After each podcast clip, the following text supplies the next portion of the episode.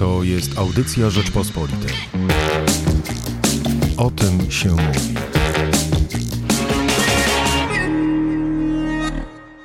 Michał Płociński, zapraszam. Na platformie Netflix można obejrzeć film dokumentalny Jeffa Orlowskiego Dylemat społeczny o tym, jak media społecznościowe wpływają na nasze życie, jakie zagrożenia się z tym wiążą. Dyskusja, jaką ten film wywołał, nomen omen, głównie w mediach społecznościowych, nie gaśnie. Przeciwnie, coraz więcej ludzi poleca ten film znajomym, rodzinie, często przyznając, że po jego obejrzeniu na przykład narzucili swoim dzieciom ograniczenia korzystania ze smartfonów, ale nie tylko. Dlatego dziś porozmawiamy o emocjach, jakie obudził dylemat społeczny, a także o problemie, który film ten porusza, o nastrojach, jakie panują w umownej Dolinie Krzemowej, umownej, czyli wśród samych twórców mediów społecznościowych, bo to wokół wywiadów z tymi twórcami, prezesami, byłymi pracownikami tych firm powstał dokument Orlowskiego. Ale głównie skupimy się na tym, co dalej, a mówiąc górnolotnie, na tym, jak uratować świat przynajmniej świat mediów społecznościowych. I porozmawiam o tym z Katarzyną Szymielewicz, prezeską Fundacji Panoptykon. Dzień dobry. Dzień dobry.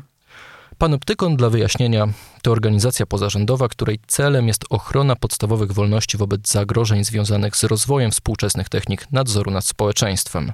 Domyślam się, że w związku z tym żadne z zagrożeń poruszonych w dylemacie społecznych nie były dla pani e, zaskoczeniem, ale może forma, która tak bardzo porusza emocje widza, forma w jakiej zostały te zagrożenia przedstawione, zrobiła na pani jakieś wrażenie.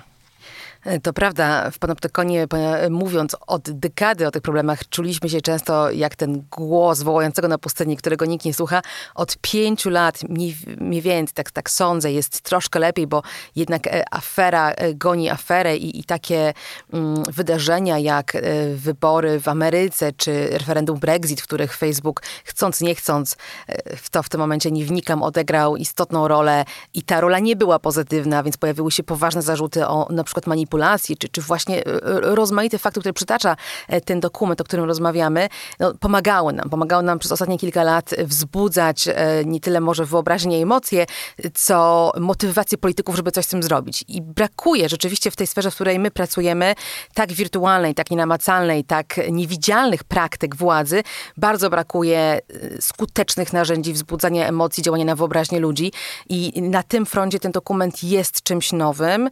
Jest czymś nowym, ponieważ ponieważ działa poprzez, działa dwukanałowo. Z jednej strony mamy emocjonujące, prawdziwe, jak takie odbieram przynajmniej, dość autentyczne wypowiedzi ludzi, którzy byli w środku tej machiny e, e, nadzorczego kapitalizmu, którzy korzystali na niej, bo oczywiście zarabiali potężne pieniądze, współtworzyli ją, ale jakoś też poczuli się odpowiedzialni, współodpowiedzialni i mają teraz krytyczną refleksję, a to jest coś innego w odbiorze niż refleksja krytyka, która jest na zewnątrz i może pewnych rzeczy nie wie, może pewne rzeczy upraszcza, może sobie jej wyobraża. Jeżeli mówi inżynier o tym, tak, tak jest. Te algorytmy są na przykład zoptymalizowane na e, tak naprawdę krzywdzenie człowieka, bo eksploatowanie jego uwagi, jego emocji i dokładnie tak to działa, bo nie może działać inaczej.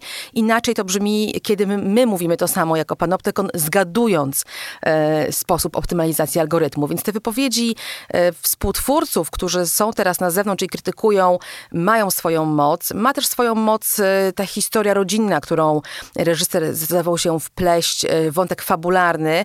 Oczywiście on jest no, naszkicowany grubą kreską i to jest, to jest jednak bardzo e, powierzchownie, mm, upraszczająco pokazane, ale nadal myślę, że mam nadzieję, może tak, że, że to y, pomaga wyobrazić sobie, co może pójść nie tak w moim życiu, jeżeli nic z tym problemem nie zrobię. Y, dlaczego to nie jest tylko kwestia pokazania mi takiej czy innej reklamy, w którą ja chcę lub nie chcę kliknąć, może wydam pieniądze bez sensu.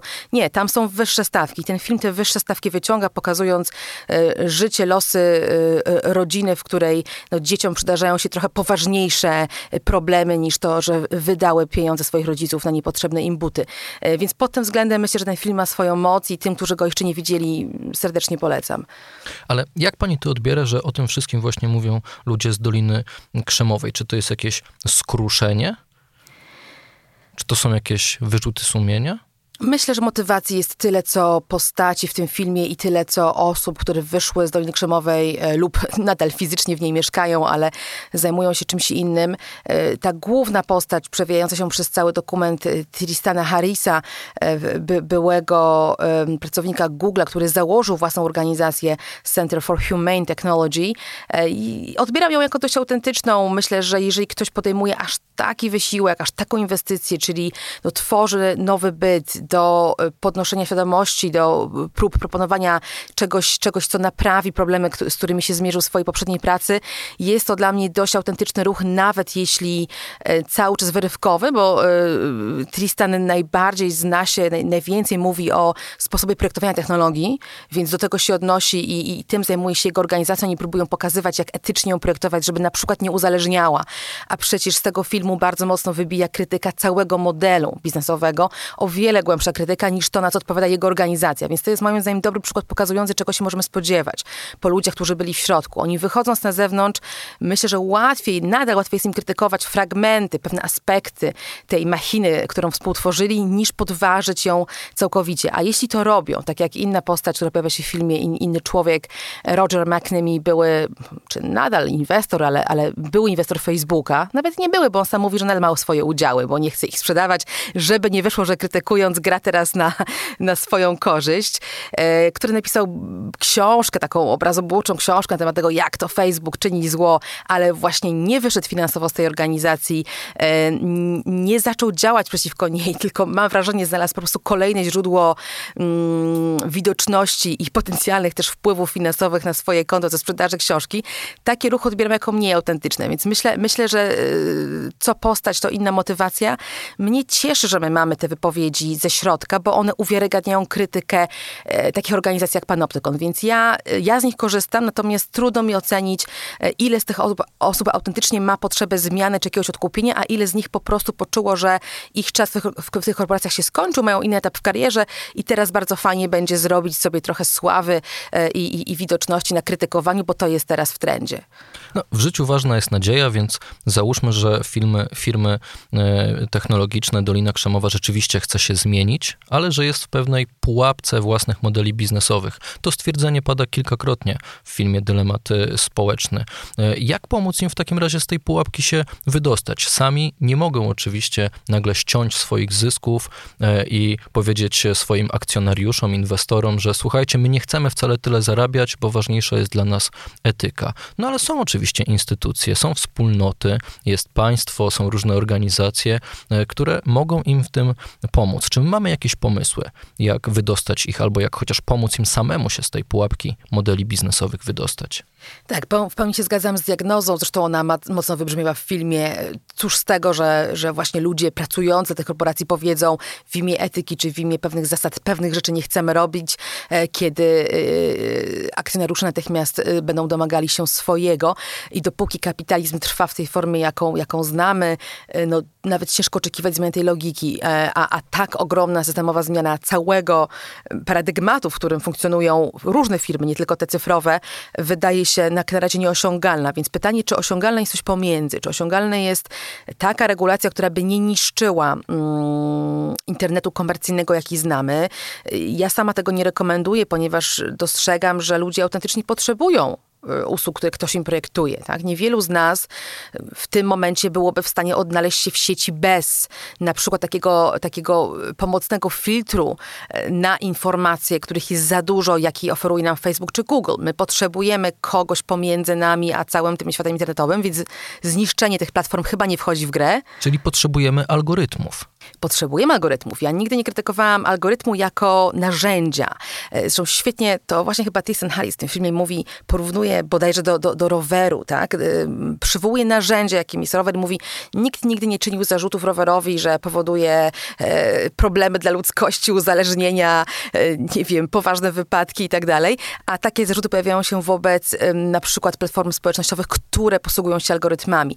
No pojawiają się, ponieważ te te platformy prowadzą własną politykę e, w zakresie tego, co chcą osiągnąć. I algorytmy, one optymalizują swoje algorytmy na pewne nasze zachowania, które dla nas są toksyczne, niebezpieczne, uzależniające. Ale sam algorytm jest tym rowerem, jest tym narzędziem, więc ja mogę sobie wyobrazić, że zostawiamy w tym idealnym świecie lepszego internetu, zostawiamy platformy jako użyteczne narzędzie, zostawiamy również ich algorytmy, których potrzebujemy, żeby odfiltrowywały nam informacje dla nas osobiście mniej istotne, ale zupełnie zmieniamy logikę działania e, tych narzędzi, a raczej zmieniamy ośrodek kontroli.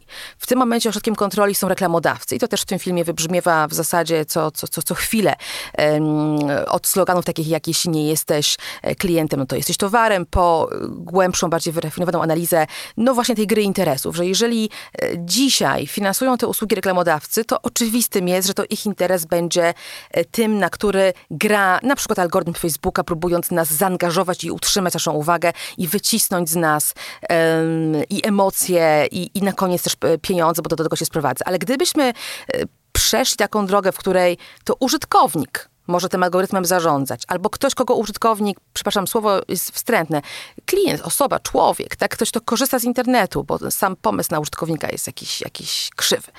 Tam też pojawia się świetny cytat, że chyba tylko dwie branże, prawda, narkotykowa e, i mediów społecznościowych nazywają swoich klientów użytkownikami. Coś, coś jest na rzeczy. E, więc zejdźmy z tego słowa, pomyślmy, człowiek w internecie, który sam dokonuje wyborów, który ma nowe narzędzia kontrolowania tego, czemu służą jego dane, i co te algorytmy mają tak naprawdę zrobić, jaki efekt we mnie, w moim życiu mają wywołać i że ja jestem tym aktorem, który podejmuje kluczowe decyzje i mam swoich agentów. Takie myślenie mi jest bardzo bliskie i teraz jeżeli popatrzymy na możliwości działania regulatorów, to one są. Po obu stronach Atlantyku one są. E, oczywiście w tym filmie słyszymy takie wypowiedzi bardzo naiwne, tych, tych, tak jakby takie przebudzenie, prawda, tych ludzi z Doliny Krzemowej, którzy mówią, gdzie ta regulacja? Jak to się stało, że my nie mamy żadnego prawa, które chroni ludzi w tej sytuacji? Sytuacji. Ja też nie wiem, jak to się stało. Znaczy to, że Ameryka od dwóch dekad opiera się przed uregulowaniem pewnych spraw, no to jest ich wewnętrzny problem, ale już nawet tam od, od paru lat, przynajmniej od, od, od afery, afer wyborczych e, związanych z Trumpem i, i, Cambridge Analytica, nawet w Ameryce ta dyskusja o tym, co zrobić jest, jest no, dość żywa i to tam pojawiają się pomysły najbardziej radykalne, takie jak podzielmy ich, nawet właśnie zniszczmy te platformy. W Europie myślę, że jest trochę spokojnie, bo mamy dłuższą historię regulowania e, tego typu biznesów. Mamy e, teraz RODO, czyli prawo chroniące dane osobowe, ale wcześniej były też e, inne podobne regulacje. Mamy całą reformę rozpisaną w zasadzie na dekadę, bo chyba tak to było wymyślone, która dotyczy usług internetowych, więc po RODO miało przyjść, ma przyjść kolejne rozporządzenie o nazwie e-privacy, e-prywatność, które już specyficznie dotyczy internetu. Po nim z kolei, czy też równolegle już teraz ma się pojawić cały pakiet regulacyjny o nazwie kodeks, roboczej nazwie kodeks kodeks usług cyfrowych, Digital Services Act, który komisja skończyła konsultować. W tym pakiecie mają być z kolei środki specyficzne dla platform, dla wielkich platform, a więc nie tylko taka regulacja ogólna dla wszystkich y, uczestników rynku internetowego, której w jakimś zakresie na pewno potrzebujemy, ale y, mają się pojawić reguły y, pisane dla konkretnych firm, ale jednak reguły, a nie rozstrzygnięcia e, w indywidualnych sprawach. E, o, o, o, co tutaj chodzi?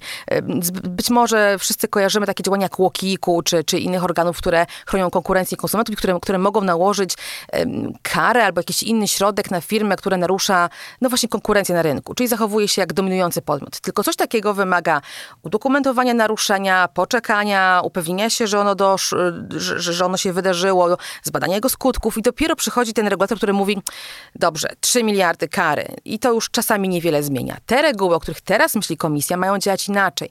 One mają wyprzedzać problemy.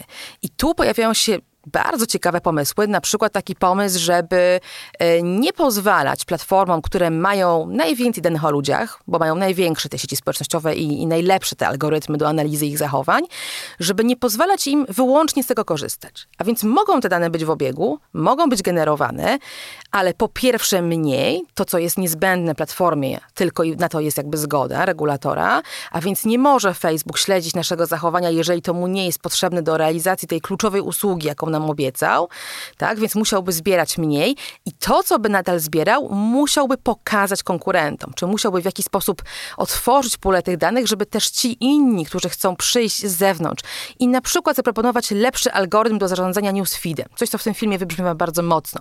Newsfeed jest uzależniający, newsfeed jest obliczony na e, takie efekty jak angażowanie nas emocjonalnie, e, przy okazji dzieje się dezinformacja, przy okazji wydarzają się bańki informacyjne, dużo zła. Chcielibyśmy to zmienić, znowu, możemy popukać do Facebooka i powiedzieć, Facebook, proszę zmień to. On powie, no ja nie mam interesu w tym, tak? Mój interes jest taki, żeby to działało dokładnie tak, jak działa, a nawet lepiej. No dobrze, odpuszczamy, wprowadzamy nowego gracza, który mówi dobrze, ja jestem niekomercyjnym graczem, albo ja rozliczam się z użytkownikiem, z klientem, biorę pieniądze od ciebie, kliencie. Możemy sobie to wyobrazić, prawda? Taka usługa klasyczna. I w zamian za te pieniądze, które mi zapłacisz, albo które zapłaci mi na przykład jakiś, e, jakiś fundator niezależny, jakaś organizacja pozarządowa, albo e, jakiś filantrop, tak? Bo mamy trochę takich pieniędzy na rynku. Ja będę dostarczać algorytm, który skutecznie odfiltrowuje wam z newsfeedu dezinformację albo y, rzeczy, które są sensacyjne, albo rzeczy, które zawierają przemoc. Jeżeli tak sobie życzycie. Możemy sobie to wyobrazić, ale problemem jest to, że czegoś takiego nie zrobimy bez danych. Nikt nie zaprojektuje takiej usługi, jeżeli nie będzie miał dostępu w pewnym sensie do tej wiedzy, którą posiadł Facebook.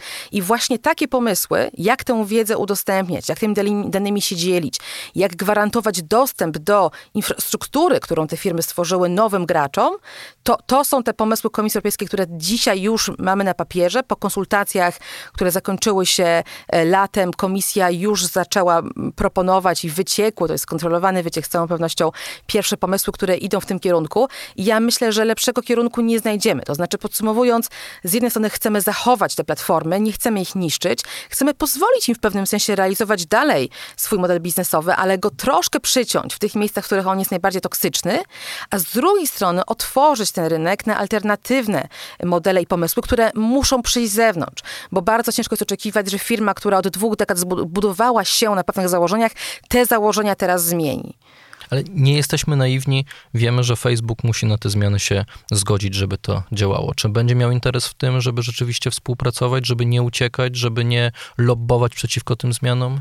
żeby nie lobować, z pewnością nie będzie miał interesu i lobbingu się spodziewamy w, tym, w, tym, w tej batalii. Myślę, że będzie nie pierwszy raz bardzo dynamiczne starcie e, tych gigantów internetowych z, no właśnie z kim? Zresztą świata. To jest ciekawe, tak? To już nie jest sytuacja, w której mamy firmy spod znaku GAFA, e, długo, długo nic, jakąś drobnicę internetową, która nie ma głosu. Nie, myślę, że w tej batalii regulacyjnej mamy potężne, regula- potężne, potężne polityczne organizacje, takie jak e, Komisja Europejska, czy takie jak Amerykańska Komisja Handlu, które od lat, podkreślam, no, ten problem widzą i próbowały na niego reagować i nakładały te miliardowe kary, bo tych kar było trochę, więc już mamy no, zainwestowane w jakimś sensie instytucje, które mają prawo być sfrustrowane tym, że próbowały, ale niewiele osiągnęły. Mamy też duży rynek usług internetowych, które tracą e, w związku z tym, jak, e, jak brutalnie wykorzystują swoją przewagę firmy e, spod znaku GAFA. I to nie są mali gracze, tak? To są też duże firmy, to są też wydawnictwa, to są też media elektroniczne, które żyją moi, w, wedle mojej oceny w jakimś syndromie sztokholmskim. Są zakładnikami modelu biznesowego y, platform takich jak Google i Facebook i nie korzystają na nim tak naprawdę. Tracą coraz bardziej niezależność, tracą coraz bardziej kontrolę nad swoimi treściami, oddają coraz więcej zysku z reklam w ręce tych platform, ale trochę nie mają jak inaczej, takim się przynajmniej wydaje, że nie ma innej drogi. Więc tych interesariuszy, którzy mogą się sprzeciwić wielkim platformom i powiedzieć, dobra, koniec tego, zarobiliście dość, przy okazji szkoda społeczna związana z tym, na czym zarabiacie, jest bardzo wyraźna. Wszyscy już ją widzimy, więc teraz jest czas e, reewaluacji, jest czas innego podziału tej władzy e, nad, nad, nad danymi. To jest coś, co myślę, że przy, przyszliśmy taką ewolucję w myśleniu ekologicznym, tak? Już chyba nikt nie może powiedzieć publicznie, że ma, e, ma gdzieś to, że zanieczyszcza środowisko, no musi to uznać i ponieść konsekwencje, jeżeli tak robi. I, i tu jest podobnie, więc myślę, że mimo tego, że te firmy będą się próbowały oczywiście uchylić od odpowiedzialności, to a może nawet nie będą. Może nawet nie będą, bo może nawet same zrozumiało, że bardziej im się opłaca w tym momencie negocjować e, rozwiązania, niż po prostu się opierać i je blokować. Więc nie chcę powiedzieć, że jestem optymistką, jeśli chodzi o wynik tych negocjacji, bo to na pewno będzie bardzo trudny proces i który potrwa przynajmniej dwa do trzech lat, ale widząc układ sił, myślę, że nie jesteśmy sami w tej grze. To nie jest tak, że są jacyś użytkownicy czy, czy klienci e, nazywani użytkownikami, którzy chcieliby zmienić swoją pozycję i nikt ich nie reprezentuje. Nie. Są naprawdę silne organizacje i publiczne, i prywatne, i pozarządowe, i rzesza firm, które dzisiaj tracą, a mogłyby zyskiwać więcej, e, proponując usługi, które są niemożliwe w tym zamkniętym układzie. Ale na pewno pojawią się głosy, że to jest cios e, albo potencjalny cios w wolność w internecie, że znowu państwo próbuje interweniować, cenzurować, bo ten internet państwu przeszkadza, bo internet jest y, zbyt y, swobodną areną wymiany poglądów i państwo chce to kontrolować. Na tym będzie e, pewnie opierała się duża część krytyki tych rozwiązań. No mam nadzieję, że ludzie, którzy będą czytali takie rzeczy w mediach, jeśli one się pojawią, będą do tego z kolei krytycznie nastawieni, ponieważ no, czyja wolność? Jaka wolność? O czym my mówimy? Jeżeli e, celem tej reformy jest odebranie władzy Mówimy o nich gatekeeperzy. Y, spróbuję znaleźć dobre tłumaczenie. Mm, organizacjom komercyjnym, które stanowią nasz filtr, nasze okno na świat, które stoją w tych drzwiach do internetu i kontrolują przepływ informacji w swoim komercyjnym interesie. Jaka tu jest wolność dla nas? Nasza wolność ekspresji, nasza wolność dostępu do informacji są w tym momencie potężnie ograniczone. My podlegamy zasadniczej cenzurze y, pochodzącej z tych właśnie organizacji i przede wszystkim podlegamy y, władzy ich algorytmów, które są, jak mówiliśmy, zoptymalizowane zoptymalizowane na, e, na interes reklamodawcy, a nie nasz własny. My nie możemy przestawić tych słowaków dzisiaj. Nie możemy powiedzieć, wybieram inny sposób angażowania się, wybieram inne doświadczenie w internecie. Nie mogę tego zrobić, więc moja wolność osobista jest bardzo ograniczona. Jeżeli ktoś tym, tą kartą wolności zagra, myślę, że zagra nią e, cynicznie i być może będzie to głos Zoliny Grzemowej, tylko przebrany w jakieś inne e, ubranie, w jakąś inną organizację, więc uczulałabym na to, że akurat w tej dyskusji e, nie ma wolności, której warto byłoby bronić. My My musimy stworzyć przestrzeń tej wolności i do tego narzędziem jest regulacja. Oczywiście w ramach tej reformy musimy też uważać, żeby nie oddać przy okazji e, władzy cenzorskiej, władzy tego, kto stoi w drzwiach i trzyma te wszystkie kontrolki e, państwu, ale takich pomysłów nie ma. Żadna z tych rzeczy, które ja przynajmniej słyszę w Brukseli, nie zakłada, że pojawia się na przykład jakaś e, krajowa rada internetu, która decyduje o tym, co jest fake newsem. W żadnym razie. Mówimy raczej o mechanizmach, które mm, decentralizują centralizują tę władzę, czyli umożliwiają to, co opisałam, podpięcie się pod platformę taką jak Facebook i każdą inną, jakiegoś niezależnego dostawcy, jakiejś niezależnej agencji newsowej, albo watchdoga, albo organizacji społecznej, albo medium, które ja wybrałam jako klientka, które mi pewną usługę e, dostarczy, czy pewną, pewne doświadczenie mi, e, mi stworzy. Nie mówimy o wprowadzeniu tutaj państwa. E, regulator ma być tylko po to, żeby ukrócić pewne praktyki władzy, które okazały się dla wszystkich szkodliwe.